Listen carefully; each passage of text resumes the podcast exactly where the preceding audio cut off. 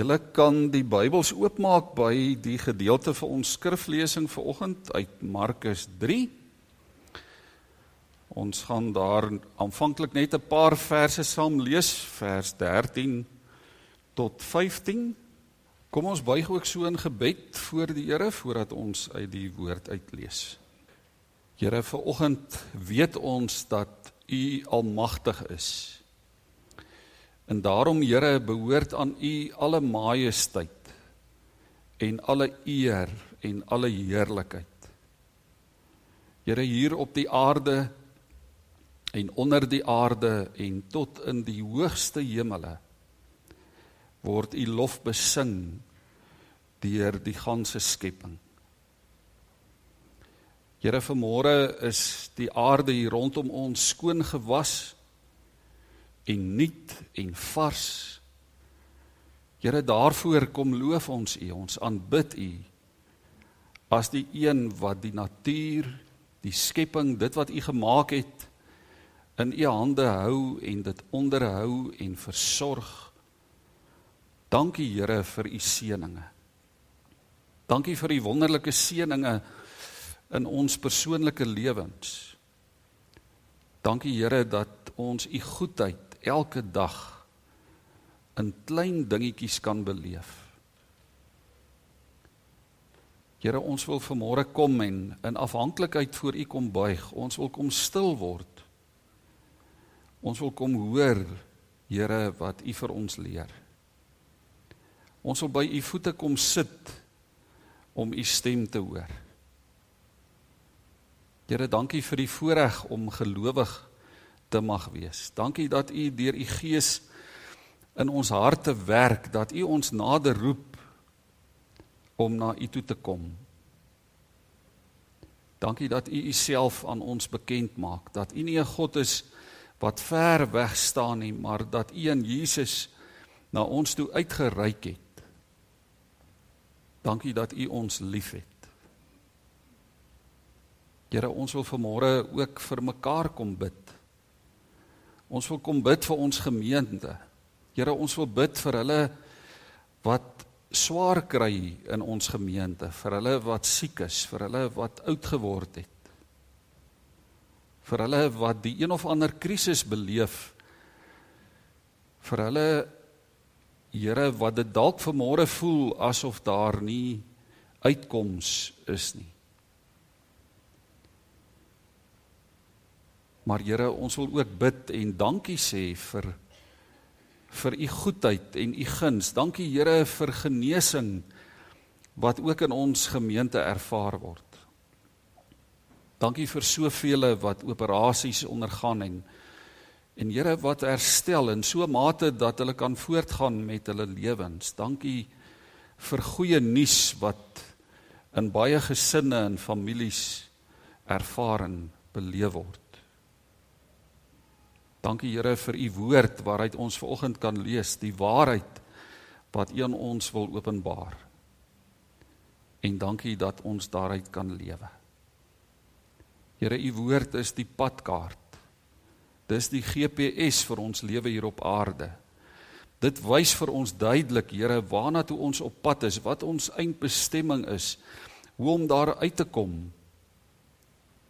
Ons hoor u stem wat vir ons lei op die pad. Wat vir ons waarsku, wat vir ons vooraf ook voorberei vir die roete wat U vir ons uitgekies het. Here, ons buig nou voor U om uit U woord te lees, kom o Heilige Gees en laat ons U woord hoor en dit verstaan en laat dit ons ook sterk maak in ons gees en in ons gemoed om vir U te lewe. Dit is ons gebed in Jesus se naam. Amen. Ons lees net daardie 3 verse. Jesus het teen die berg opgegaan en die wat hy wou hê nader geroep en hulle het na hom toe gekom. Hy het toe 12 wat hy apostels genoem het aangestel om by hom te bly sodat hy hulle kon uitstuur om te preek. Hulle het ook die mag ontvang om bose geeste uit te dryf. Eers net daardie uh, daardie 3 verse. Broers en susters, as as ons vanoggend dink oor ons doel in die lewe. Ons doel as gelowiges, as as disippels van Jesus, as mense wat in Jesus se voetspore loop. Dan is ons groot doel in die lewe, ek dink ons het dit al een of twee keer gehoor die afgelope uh wil ek amper sê meer as 'n jaar al dan is ons groot doel in die lewe om nie noodwendig primêr in die eerste plek dinge vir God te doen nie. Maar ons doel in die lewe is om by God en saam met God te wees.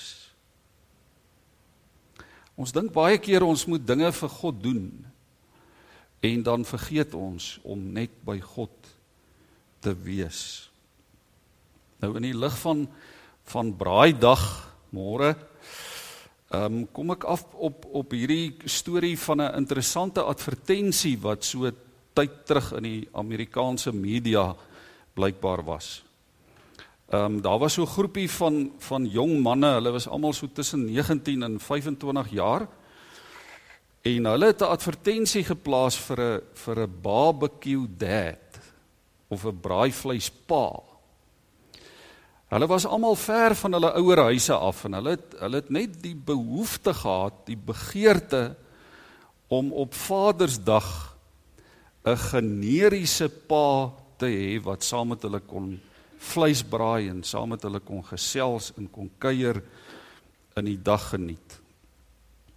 En so plaas hulle toe die advertensie wat spesifiseer uh die braaivleispa moet darm ten minste 18 jaar pa ondervinding hê. En hy moet darm so ten minste 10 jaar braai ondervinding hê. In sy pligte die dag die kuier geleentheid saam met hulle sou wees hy moes nou die die hamburger patties braai en dit maak, die hamburgers maak en hy moes die wors braai vir die worsbroodjies en hy moes dit maak. En hy moes ook sy eie braaier saambring. Al die al die braai toerusting moes hy nou self saamvat. En hy moes die jong manne moes hy aanspreek as chief en big guy en champ en sport ensovoorts. Dit staan nou alles in die advertensie. Hy moes die heel dag moes hy nou met hulle net kuier en gesels oor oor allerlei pa goeters, oor grassnyers en car engines en golf en swys en alles waaroor 'n pa en sy seuns met mekaar praat. So dit was 'n klompie ouens wat die behoefte gehad het om om iemand spesiaal by hulle te hê. Om net die dag, die besondere dag saam met iemand spesiaal deur te bring en te kuier en te ontspan. En weet jy, dit is ook God se doel vir ons. Dis God se doel vir sy kinders, vir jou en in by my. God se in vir my. God se doel is om by ons te wees en om vir ons by hom te hê. Dit is wat op God se agenda is. Ons lees hier Jesus het teen die berg opgegaan en die wat hy wou hê, het hy nader geroep en hulle het na hom toe gekom. En hy het ook die 12 aangestel om dan by hom te bly. So hy roep mense na hom toe om by hom te wees, om na hom toe te kom, om by hom te bly. Ons gaan vanoggend kyk na of stil staan by 'n hele paar teksgedeeltes, teksverse, bekende verse. Johannes 3 vers 16.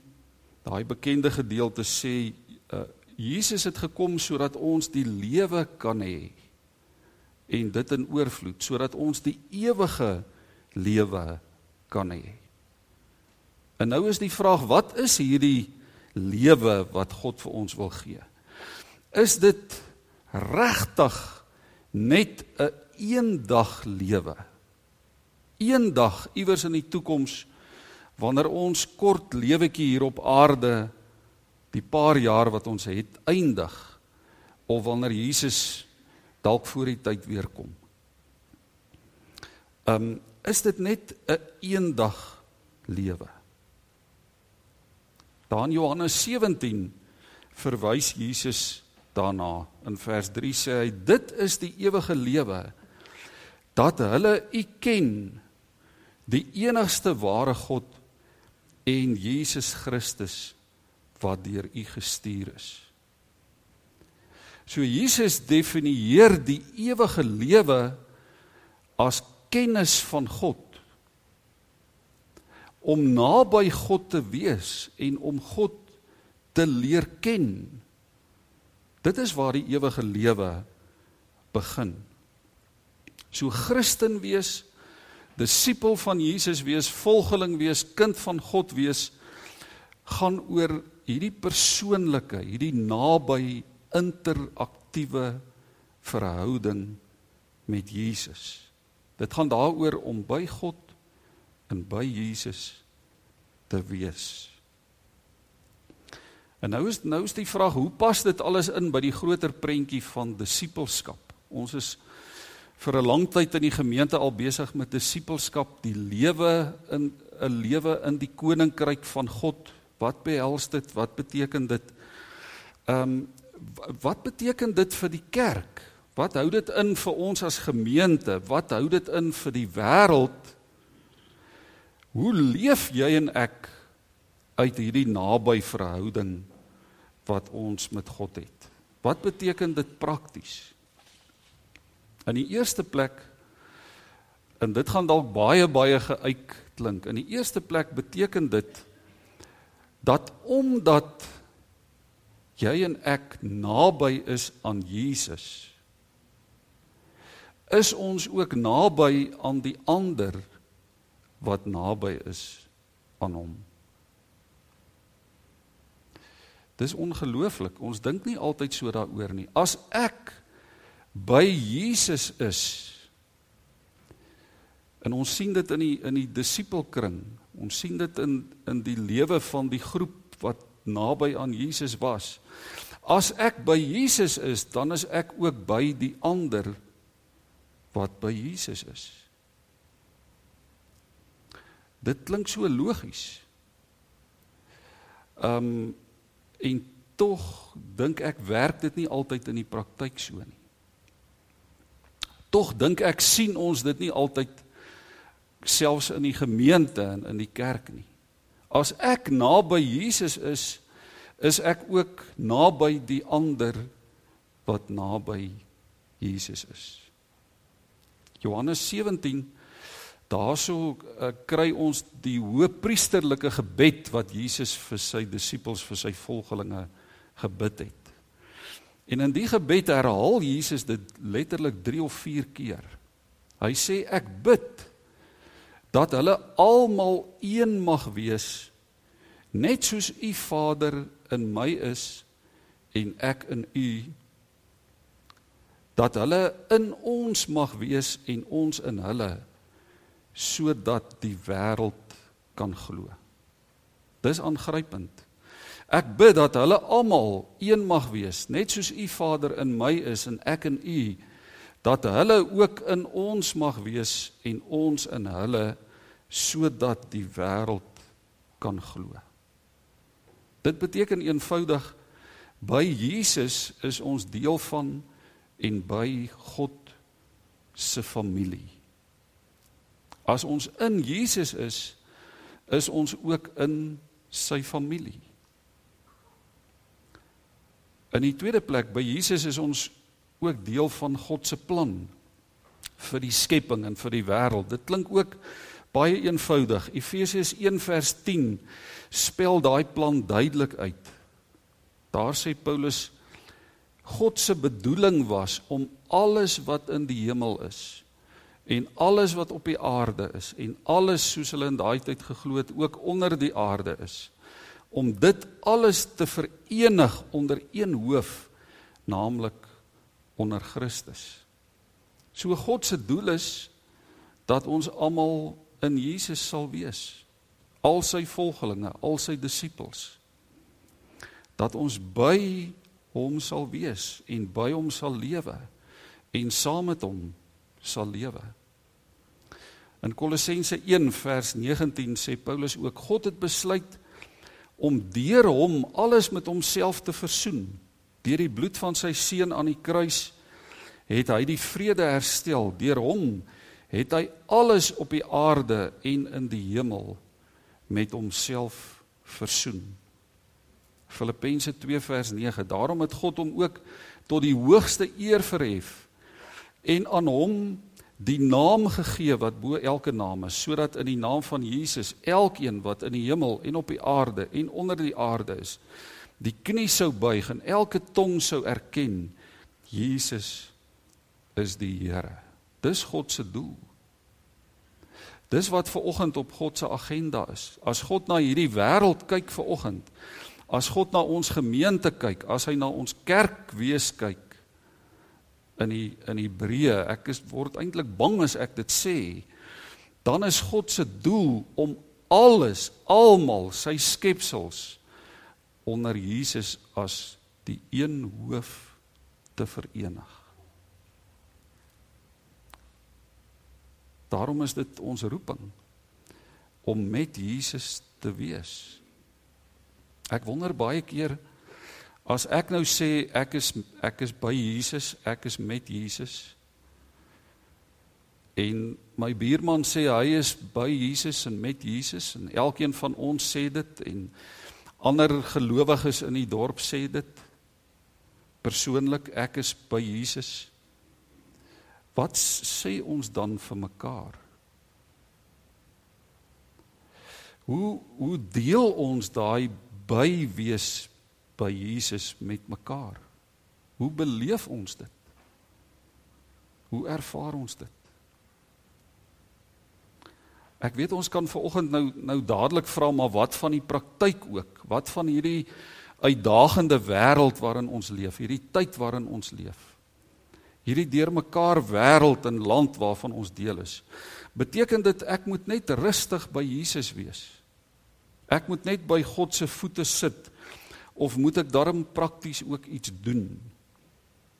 Natuurlik moet ons. Natuurlik moet ons. Dit vra iets van ons as mense, as afhanklike mense. Ons moet ook iets doen. En dit is dit kom neer op die tweede deel van hierdie teks in Markus 3. Ehm um, daar lees ons Jesus het hulle het hulle nader geroep en hulle het na hom toe gekom En hy het die 12 aangestel om by hom te wees en dan sodat sodat hy hulle kon uitstuur om te preek en hulle het ook die mag ontvang om duiwels uit te dryf. En daai duiwels kan ons nou definieer vir oggend. Miskien moet ons een keer dalk preek oor dit. Daai duiwels gaan oor alles wat nie binne God se wil is nie. Alles wat nie strook met God se plan vir ons nie. Dit wat nie van God is nie. Jesus het self gesê as julle nie vir my is nie, is julle teen my. Ons het die mag ontvang om dinge vir God te doen. As ons by Jesus is, as ons by God is, sal ons die krag hê om dit te doen waarvoor hy ons stuur. Die krag van sy gees wat hy uitgestort het. Hy het ook vir die disippels gesê, ek laat julle nie alleen as weeskinders agter nie. Ek stuur vir julle die Heilige Gees om by julle te wees met al die beloftes wat met die Heilige Gees saamgaan. God roep ons om na hom toe te kom. Jesus het tog self gesê Hy het 'n paar beelde gebruik in Johannes 15 in vers 4 en 5 gebruik hy 'n baie bekende beeld. Hy sê julle moet in my bly en ek in julle. Dan sê hy 'n loot kan nie uit sy eie vrugte dra as hy nie aan die wingerdstok vasbly nie. So kan julle ook nie vrugte dra as julle nie in my bly nie. Ek is die wingerdstok, julle is die lote. Wie in my bly en ek in hom dra baie vrugte. Want sonder my kan julle niks doen nie. Ons weet daar's baie wat gedoen moet word.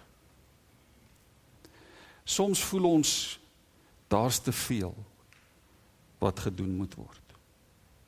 Nie net in die kerk nie, nie net in die gemeente nie, maar ook in ons daaglikse lewe. In jou persoonlike lewe is daar soveel uitdagings. Daar's daar's miskien berge of heuwels wat jy moet oorbrug. Daar's riviere waardeur jy moet swem. Daar's uitdagings wat jy moet hanteer by jou werk, in jou beroep, in jou vriendekring, in jou verhouding met mense, in jou gesin, in jou familie dalk. Daar's soveel wat gedoen moet word, soveel uitdagings, soveel verantwoordelikhede wat ons moet of wil aanpak. En dan gebeur dit so maklik dat ons daai orde omdraai.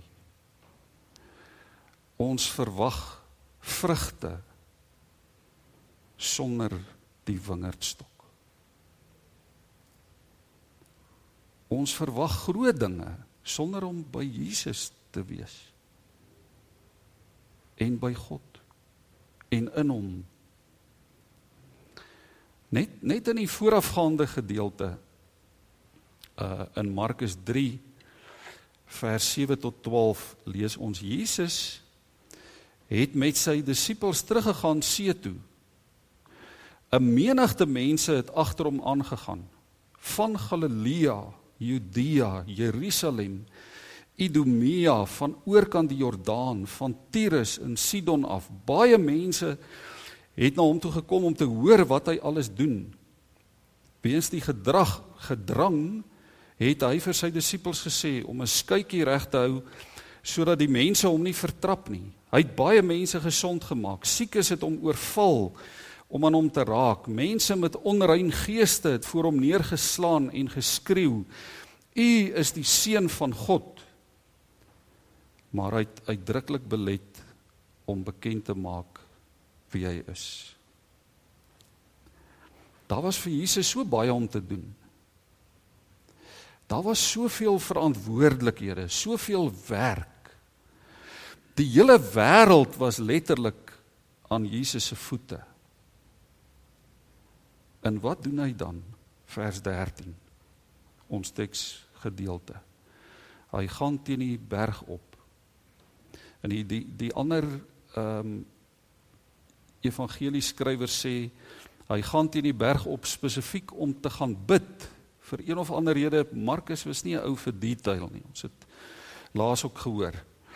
Ehm um, so Markus kleer nie hierdie prentjie mooi in nie. Die ander ouens sê hy het gegaan om te gaan bid en die wat hy wou hê het hy na hom toe geroep. So Jesus was geanker in 'n diep persoonlike verhouding met God met sy Vader. En Jesus doen wat sy Vader wil hê hy moet doen. Nie wat mense verwag nie. Jesus was verbind aan mense, maar nie gebind deur mense nie. Hy weet dit gaan oor die wil van God en nie die wil van mense nie. En omdat Jesus so naby aan sy Vader was, kon hy uiteindelik die pad loop tot by die kruis kon hy uiteindelik aan die kruis sterwe en oorwin en sy lewe gee vir al hierdie baie mense wat agter hom aangeloop het vir ons. Ek wonder vergeet ons dit nie baie keer in die kerk nie? Vergeet ons dit nie in ons persoonlike geestelike lewe nie in ons geloofslewe, in ons verhouding met die Here nie om om net intiem met God te wees. Om net met God te wees. Partykeer vra dit dalk ook dat ons teen 'n berg moet opgaan, nê. Ons self moet afsonder, iewers eenkant gaan sit waar niks en niemand my pla nie.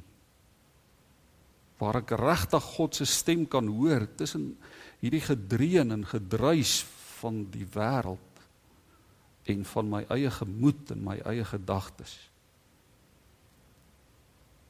Om net intiem met God te wees. En dit is Jesus se gebed vir ons, staan Johannes 17 vers 21, dat hulle in ons mag wees, net soos ons u o Vader in my is en ek in u sodat die wêreld kan glo dat u my gestuur het. Dis 'n dis 'n geweldige ding. Ons moet naby Jesus wees sodat die wêreld kan glo in hom. Ons getuienis na die wêreld toe vloei uit hierdie naby wees aan Jesus. Ons gaan nie hoor wat ons moet sê as ons nie naby is aan Jesus nie. Ons gaan nie weet hoe om te reageer as ons nie naby is aan hom nie. Ons gaan nie weet wat om te bid nie. En hoe om te lewe nie. Naby Jesus. Dit is wat hy bid, né? En wat Paulus ook bedoel as hy as hy bid vir die Efesiërs staan Efesiërs 3 vers 17. Ek bid dat Christus deur die geloof in julle harte sal woon. In soveel woorde sê Paulus daar ek bid dat julle met Jesus en met God sal lewe. Julle by hom en hy by julle. Dis wat geloof beteken. Nou die lees ek die slim mense praat van kontemplatiewe spiritualiteit. Dis 'n vreeslike woord. Dit gaan oor stil word, word stil. Skal af. Raak rustig. Maak tyd om net met God te wees. Leef bewustelik met God en met Jesus. Kolossense 3 sê aangesien julle saam met Jesus uit die dood uit opgewek is, moet julle strewe na die dinge daarbo waar Jesus is, waar hy aan die regterrand van God sit.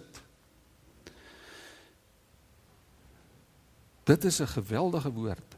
Ons is saam met Jesus opgewek uit die dood. Ons moet strewe, ons moet dink oor die dinge daarbo waar Jesus is. Waar hy aan die regterrand van God sit. Rig julle gedagtes op die dinge wat daarbo is, nie op die dinge wat op die aarde is nie. Want julle het gesterwe en julle lewe is saam met Christus verborge in God. Um ek wonder of dit nie is wat wat die wat die ouens hier in die middeleeue gedryf het na die kloosters toe nie, nê. Om net weg te kom van hierdie gedruis en gemaal en geraas en stemme en verantwoordelikhede en uitdagings. Ek dink dis die rede. Van daai kloosters was op sulke plekke gebou uh wat amper ontoeganklik was vir mense. Dit was asof hulle nie ver genoeg kon wegkom van die wêreld nie. Ons het dit nodig in ons tyd. Anders hoor ons allerlei ander stemme. Ons raak verstrengel in dit waarmee die wêreld ons konfronteer. Mense het Jesus in hulle massas gevolg. Ook beïnvloed deur hulle omstandighede, gedryf deur hulle omstandighede gedryf deur die vrae in hulle gemoed, gedring en gedryf deur hulle siektes, hulle behoeftes, hulle begeertes, hulle nood, hulle krisisse. Het hulle Jesus oral gevolg lees ons, in die dorpies, oor die heuwels, in die valleie, in die strate, tot in die sinagoges. Hulle wou wonderwerke sien, hulle wou die genesing sien wat Jesus doen. Ander was nuuskierig, hulle wou hoor hoe hy preek. Sommige is aangegryp deur sy wysheid en sy kennis van die wet en van die profete van die Ou Testament. Maar baie min het 'n kommitment gemaak. Baie min. Baie min was bereid om hulle self regtig aan Jesus te verbind. Net 'n klein groepie het gekies om die verlede agter te los. Net 'n klein groepie het gekies om hulle familie en hulle vriende te verlaat, om hulle huise, hulle beroepe op te gee, om hulle eie lewens te offer ter wille van die lewens van ander. Jy en ek moet kies. Ons moet regtig kies. Ons kan Jesus volg so van 'n afstand af vir vir watter rede ook al. Miskien is daar 'n rede. Miskien is daar ver oggend 'n goeie rede hoekom mense Jesus volg, maar ook nie regtig nie. So van 'n afstand af. Ons moet kies. Of ons kan of ons regtig by hom wil wees en regtig saam met hom wil gaan. Ons kan kies om naby genoeg te wees om te voel hoe Jesus ons vashou. Om te hoor hoe sy hart klop. Om sy asemhaling te hoor en te voel. Om die liefde in sy oë te sien vir ons en vir die wêreld. Ons kan kies om van Jesus te weet of om hom regtig te ken as ons vriend en ons broer en ons verlosser. Uiteindelik val al die goeders af, né?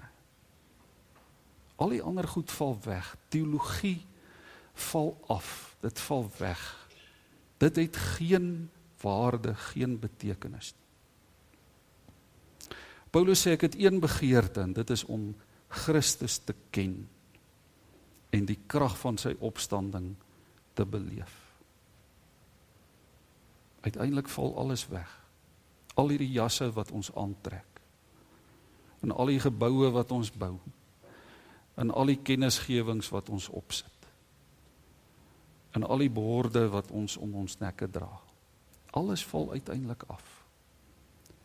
Om hom te ken oortref alles in waarde. As ons kies om saam met Jesus te gaan, dan word hy deel van ons lewe en ons word deel van sy lewe. Wat hy doen beïnvloed jou en wat jy doen beïnvloed hom. Dan bestaan daar nie meer afstande tussen ons en hom nie. En saam met hom is ons een met die Vader, een met God. Daar's 'n prys. Daar's daar's 'n prys om Jesus te volg, nê. Nee. Daar's 'n prys maar daar's ook 'n prys. Daar's 'n beloning uiteindelik. Maar dit kos ons ook iets. Dit vra ons. Daar's daar's ook baie seëninge. En maklik kyk ons dalk dalk onbewustelik vas in dit wat dit ons gaan kos en vergeet ons van die seëninge. Vergeet ons van die voordele. Daar's soveel wat 'n mens kan wen deur Jesus te volg, deur saam met Jesus te wees. Jy wen die ewige lewe. Jy jy wen 'n ewigheid saam met God. Daai oomblik as jou kort lewetjie hier op aarde tot 'n einde kom. Jy wen sy genade en vergifnis ten spyte van gister en eergister. Ten spyte van wat ook al in jou lewe gebeur het. Jy kan weet God het 'n goeie perfekte plan vir jou lewe. Hy's altyd by jou. Deur die storms, deur die teleurstellings van die lewe. Niks sal met jou gebeur sonder sy beheer nie, sonder sy ewige kennis nie. Jy kan dit weet vir oggend. Dis deel van sy seëninge aan jou. Jy kan weet so, niks gaan met jou niks kan jou uit die hand van die Here uitruk nie. Hy gee jou krag en hy gee jou die gesag om daaruit te lewe. Om voor die wêreld te staan en voor jou uitdagings in te sê maar ek is 'n kind van God. Ek het gekies om naby Jesus te wees. Jy daai gesag om dit te kan doen. En hy bewaar jou van die vyand sodat jy nie struikel of val nie. Broers en susters, wat 'n wonderlike prys. Wat 'n wonderlike stuk seëning uit die hand van die Here. Jy wen baie meer as wat jy ooit kan verloor. Selfs die dinge wat jy prys gee. Laat God uiteindelik ten goeie meewerk vir jou en vir my. As ons by Jesus is, kry alles nuwe betekenis. Kry alles nuwe waarde.